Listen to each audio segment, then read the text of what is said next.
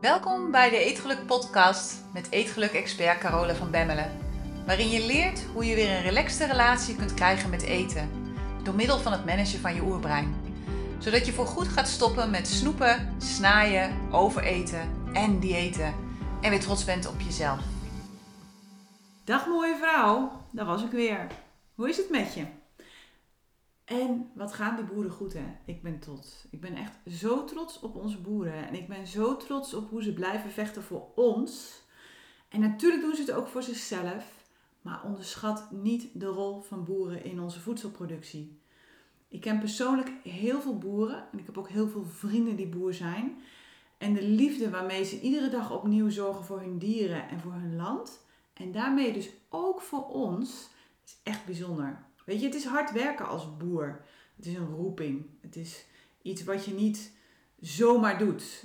dat zit in je of het zit niet in je. En vroeger wilde ik ook heel graag boer worden. Ik weet nog toen ik een jaar of acht, ja, een jaar of acht was, toen gingen wij naar Drenthe verhuizen. En dat vond ik helemaal geweldig. En ik had toen een, een vriendje, niet een vriendje, vriendje, maar gewoon een vriendje. En die ouders hadden een enorme lichtboxenstal met honderden koeien. En ja, ik was daar regelmatig te vinden in de melkkuil. Met een petje op, overalletje aan en melken. Heerlijk vond ik dat. En die koeien, die pisten en die poepten gewoon waar je bij stond. Dat was echt verschrikkelijk. Dus vandaar dat petje. En ik kan, ja, ik kan er gewoon niks aan noemen. Ik hou van het buitenleven. En voor mij is er niet meer zen dan een stal vol met koeien. Ik vind dat gewoon heerlijk. En er zullen een heleboel mensen zijn die denken, waar heb je het over? Maar dat vind ik dus gewoon echt. Dus ik steun de boeren in alle facetten. En dat wil ik toch even gezegd hebben. Nou, en daarbij kom ik dus gelijk op het onderwerp van de podcast van deze week. En dat is het verschil tussen handelen vanuit liefde en handelen vanuit lief willen zijn. Weet je, dit halen we nogal eens door elkaar. En zowel als het gaat om andere mensen, als wanneer het gaat om onszelf. handelen vanuit liefde kan namelijk best wel heel vreed zijn. Of er helemaal niet zo lief uitzien. zoals nu bijvoorbeeld de boerenprotesten. Wat zij doen op dit moment is een daad uit pure liefde. En veel mensen zullen het zien als een daad vanuit wanhoop. En dat is het natuurlijk ook voor een deel wel. Maar dat is ook hoe het wordt geframed door de media. En tuurlijk, nogmaals, ook dat speelt een rol. Maar dat is het niet alleen. Want als je kijkt naar de effecten van deze acties op de lange termijn, is het wel degelijk een daad vanuit liefde over het algemeen verlopen de protesten vreedzaam. En natuurlijk zullen er altijd protesten zijn die uit de hand lopen. Ja, en die krijgen natuurlijk alle aandacht, want dat is natuurlijk leuk. Dat heeft nieuwswaarde. Maar uiteindelijk zijn het ook mensen en hebben we met z'n allen emoties. Dus dat kan gewoon gebeuren. Maar ik ben er echt oprecht van overtuigd dat dit absoluut niet de opzet is van geen enkele boer. Geen enkele boer wil dat het een heel drama wordt. Ze willen gewoon gehoord worden en ze hebben groot gelijk. Dus de huidige protestacties zijn wat mij betreft ook zeker een daad van liefde aan alle boeren. En van alle boeren. voor hun bedrijf, voor hun kinderen, voor hun kleinkinderen, voor elkaar. Maar ook voor alle burgers van Nederland. onderschat niet hoeveel van ons voedsel er uit ons eigen land komt.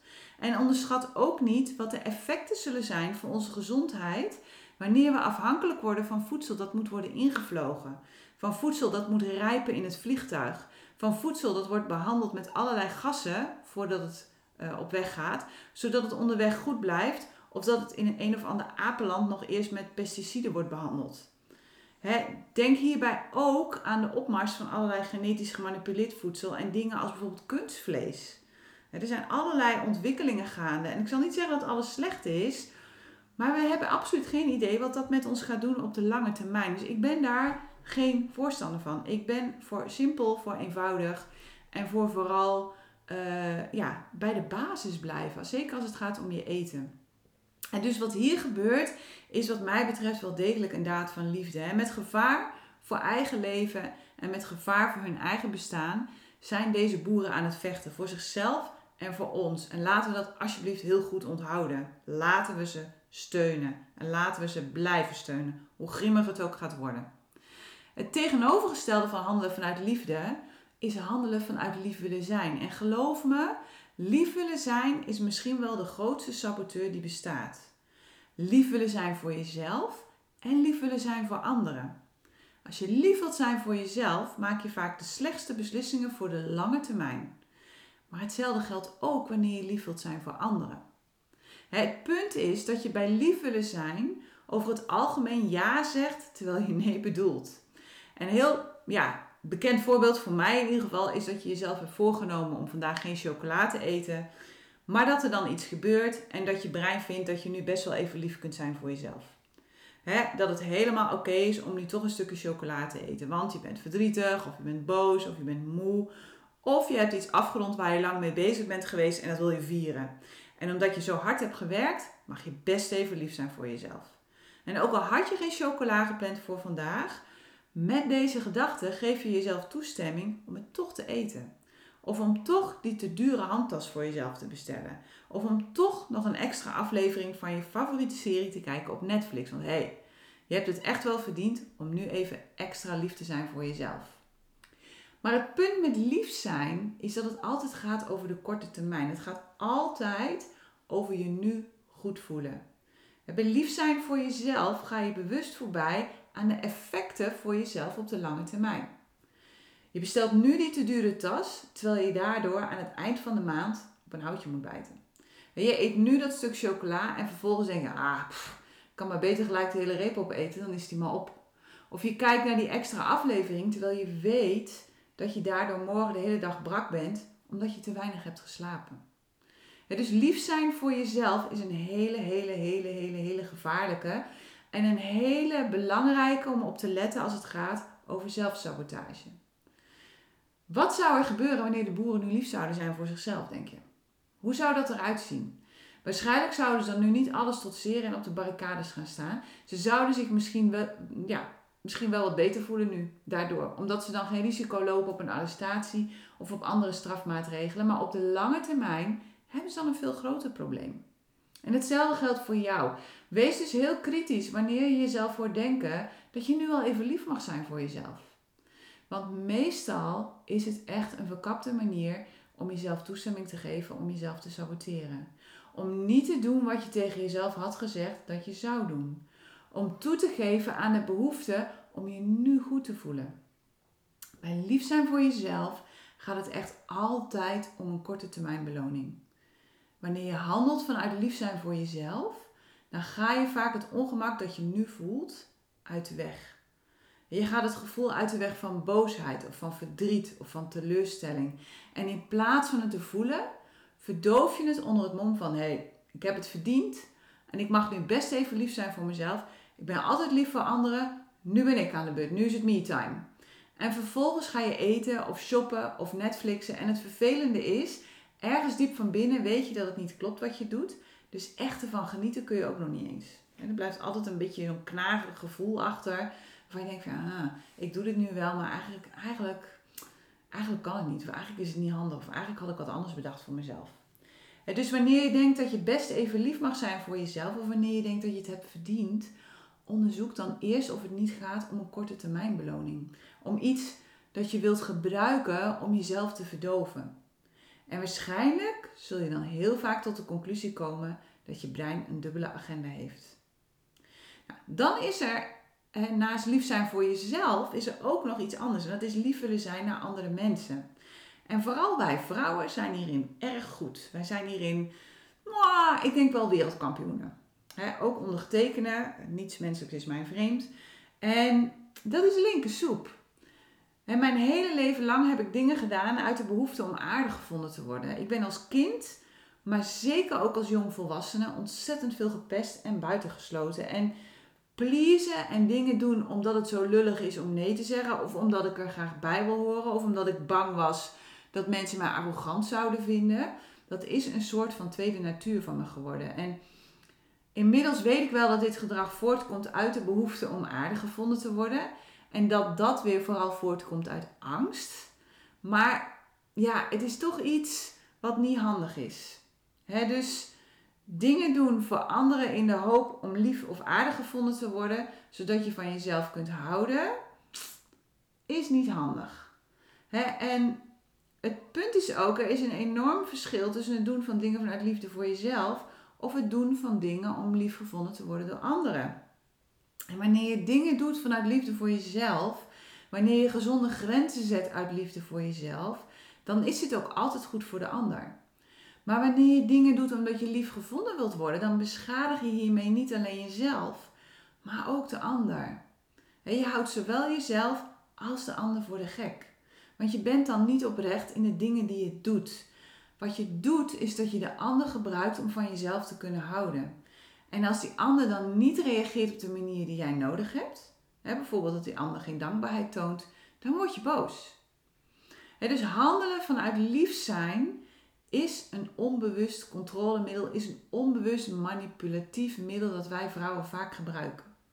Het is een middel dat je onbewust inzet om anderen te manipuleren. En wat je eigenlijk wilt, is dat die ander zegt dat je goed bent, dat die ander zegt dat je er mag zijn en dat je daardoor weer van jezelf kunt houden. Het punt is alleen dat je daarmee verwachtingen creëert van de ander die de ander nooit waar kan maken. En vaak heeft die ander niet eens in de gaten wat je van hem of haar verwacht. En want wat je eigenlijk wil is dat die ander jou toestemming geeft om van jezelf te houden. En wanneer die ander dus niet waardeert wat je hebt gedaan, of het helemaal niet eens in de gaten hebt dat je iets voor hem of haar hebt gedaan, dan word je ook nog boos op die ander, want dan is die ander ineens ondankbaar.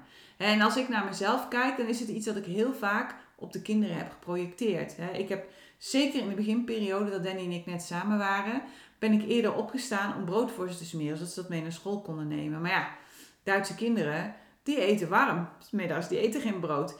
Dus op een gegeven moment kwam ik tot de ontdekking dat ze het of vergeten waren, of dat ze het wel meegenomen hadden, maar op school een broodje hamburger hadden gegeten of een bord spaghetti. En dat het brood dus een week later beschimmeld uit de tas kwam rollen. Dus dat was niet een handige. En dan was ik boos op ze. En dan denk ik, potverdomme, wees blij dat ik dat voor je doe. Maar ze hadden het mij nooit gevraagd. Ik had het zelf gewoon bedacht dat ik dat ging doen. En al die keren dat ik hun kamer heb opgeruimd en dat het na vijf minuten weer net zo'n zooi was als daarvoor. Of dat ik de enorme stapels met kleding heb gewassen voor ze. Nou, bij ons was het de regel dat iedereen zijn eigen kleding waste. Maar goed, soms liep het best wel heel erg op en kon ik het gewoon niet meer aanzien. En dan deed ik het toch maar weer. Maar goed, dankjewel Homaar. Hè? Het was gewoon heel normaal dat het allemaal gebeurde. En vervolgens was ik boos op de kinderen. Omdat ze niet waardeerden wat ik ongevraagd voor hen had gedaan. Maar ja, wisten zij veel dat ik het niet deed voor hen. Maar om de bevestiging van hen te kunnen krijgen dat ik goed was. Zodat ik meer van mezelf zou kunnen houden via hun goedkeuring. Had ik zelf toen ook allemaal niet in de gaten hoor. Dat zijn ook allemaal dingen die ik nu gewoon zie van mezelf en begrijp van mezelf en weet van mezelf. En nu ik hier gewoon mee bezig ben. Maar in eerste instantie had ik dat natuurlijk ook helemaal niet door. Dus ik was nogal eens boos of verdrietig of gefrustreerd of teleurgesteld. Of dan voelde ik me weer een huishoudster. Nou ja, kennen we denk ik ook allemaal wel. dus lief zijn voor anderen of dingen doen voor anderen waar niet om is gevraagd, is een onbewuste vorm van controle. En het is belangrijk dat je geen, ja, geen controle meer uitoefent. Dat je het idee van controle los gaat laten.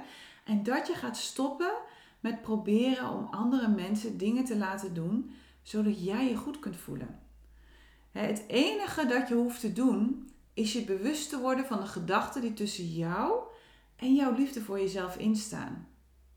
Dus al die gedachten waarin jij jezelf afwijst, al die gedachten waarin jij ja, vindt dat je niet goed genoeg bent, wanneer je die gaat veranderen, dan heb je die ander niet meer nodig om je goed te voelen over jezelf.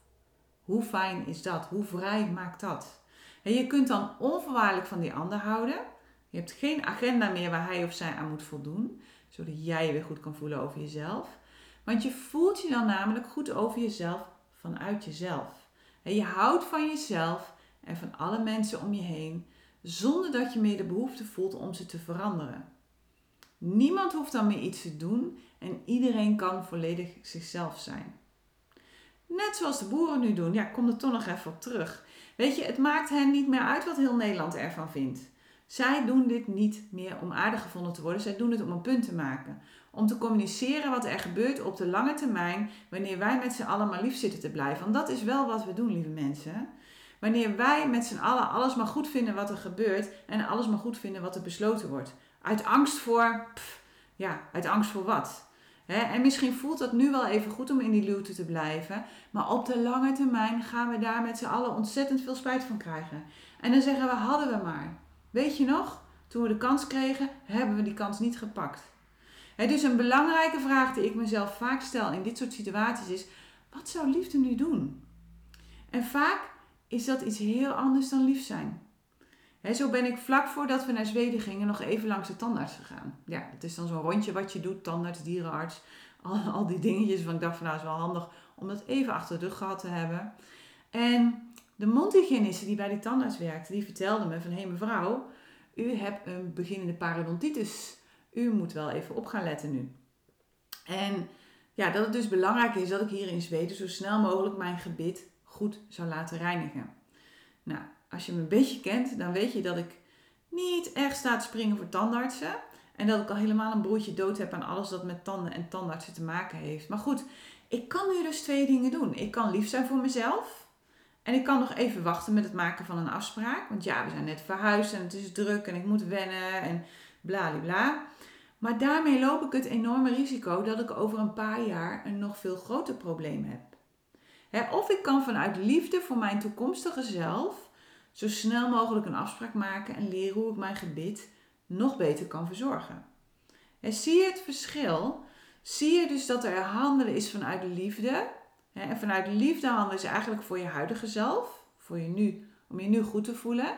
En dat er handelen is vanuit lief zijn voor je toekomstige zelf. Dus voor de jij in de toekomst. En bij handelen vanuit liefde ben je bereid om te vechten voor jezelf. Letterlijk en figuurlijk. En soms betekent handelen vanuit liefde ook dat je doorzet, dat je niet opgeeft. Of dat je blijft kijken naar de lange termijn en blijft zoeken naar een manier om daar te komen waar je wilt zijn. Of dat je voor nu andere keuzes maakt bijvoorbeeld om even ergens niet aan te beginnen, maar om juist pas op de plaats te maken. Zoals ik hier nu doe in Zweden. Ik geef mezelf de hele zomer om hier te wennen en om hier te landen. En pas in het najaar ga ik op zoek naar een leuke sportschool, ga ik op zoek naar een yogagroep, ga ik misschien wel bij een koor, ga ik misschien nog wel andere dingen doen. Pas in het najaar is daar de tijd voor. En de verleiding is heel groot om dat nu al te doen. om mezelf nu al overal in te storten, om nu al actief mensen te gaan leren kennen. Maar ik weet dat wanneer ik dat doe, dat ik dan aan het eind van het jaar opgebrand ben. Ik ken mezelf inmiddels een beetje. Dus vanuit liefde voor mezelf doe ik deze keer eens rustig aan. Dus wanneer je nu denkt, ik mag nu wel even lief zijn voor mezelf, onderzoek dan voor jezelf of het gaat om een korte termijn beloning, om ik wil me nu goed voelen. En weet, soms kun je beter vanuit liefde voor jezelf even niet lief zijn voor jezelf. Dat is mooi, hè? Soms kun je beter vanuit liefde voor jezelf even niet lief zijn voor jezelf. Vanuit de wetenschap dat de beloning die daaruit voortkomt vele, vele, vele malen groter is dan het kleine beetje genot dat je nu in het moment ervaart. En dat, dat is wat liefde zou doen. Goed, ik wens je weer een heerlijke week en je weet het inmiddels, maar ik blijf het toch zeggen omdat ons brein heel veel herhaling nodig heeft. Als je iets hebt gehad aan deze podcast, Geef hem dan vooral door aan al die vrouwen die je kent en die het ook heel goed zouden kunnen gebruiken. En wij spreken elkaar volgende week weer. Tot dan. Hey, als je het fijn vond om naar deze podcast te luisteren, kijk dan eens naar de Eetgeluk Universiteit. Dit is de Netflix op het gebied van eetgedrag, waarin ik dieper inga op alles dat ik deel in deze podcast. En waarin ik je leer hoe je dit kunt toepassen in jouw leven. En misschien wel het allerbelangrijkste, op jouw eetgedrag. Je vindt alle informatie op degelukkigeeter.nl. Het lijkt me super om jou daar te zien. Tot daar.